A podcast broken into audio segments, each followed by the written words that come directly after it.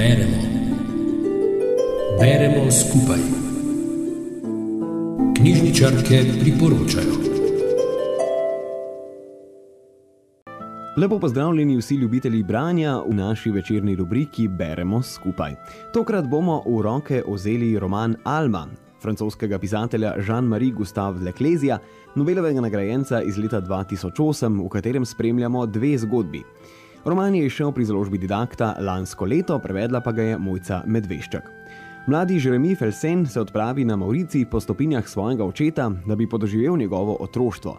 Sam ni nikoli prej obiskal te države, skoraj ničesar ne ve o njej, a čuti v sebi težo njene zgodovine, moč njenega življenja, nekaj vrste tovor, ki ga nosi na ramenih. Seboj ima ptičji kamen, ki ga je podedoval od očeta, dragocen kamen, skoraj kot diamant, do katerega je oče gojil poseben status.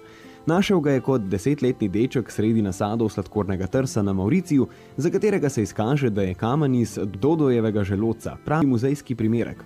V očetovi sobi ima točno določeno mesto, sicer močeči oče sinu pove legendo o velikem ptiču brez kril, nikoli pa ne govori o svoji preteklosti in življenju v toku tudi ne.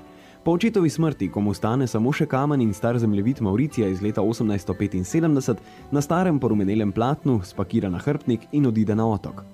Jeremy sprva želi bolj podrobno raziskati življenje izumrlega ptiča Dodoja, vrniti kamen tja, kjer ga je nekoč našel njegov oče, med nasade sladkornega trsa.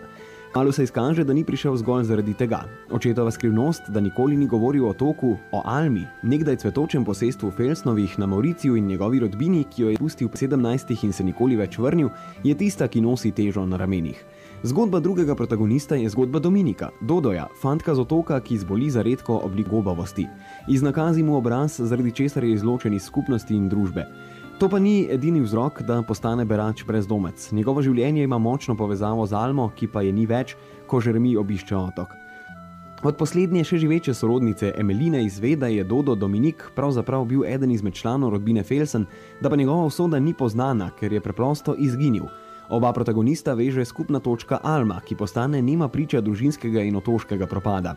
Več koščkov razbite, nenavadne zgodbe o Felsnovih z otoka, ki so ugasnili, kot je ugasnil tudi sam ptič, Dedes Dado, preverite v romanu Alma. Roman je za nas prebrala in nam ga predstavila Mojca Kalan iz Škofiloške knjižnice Ivana Tavčarja. Rubrika Beremo skupaj nastaja v sodelovanju z Radijem Sora.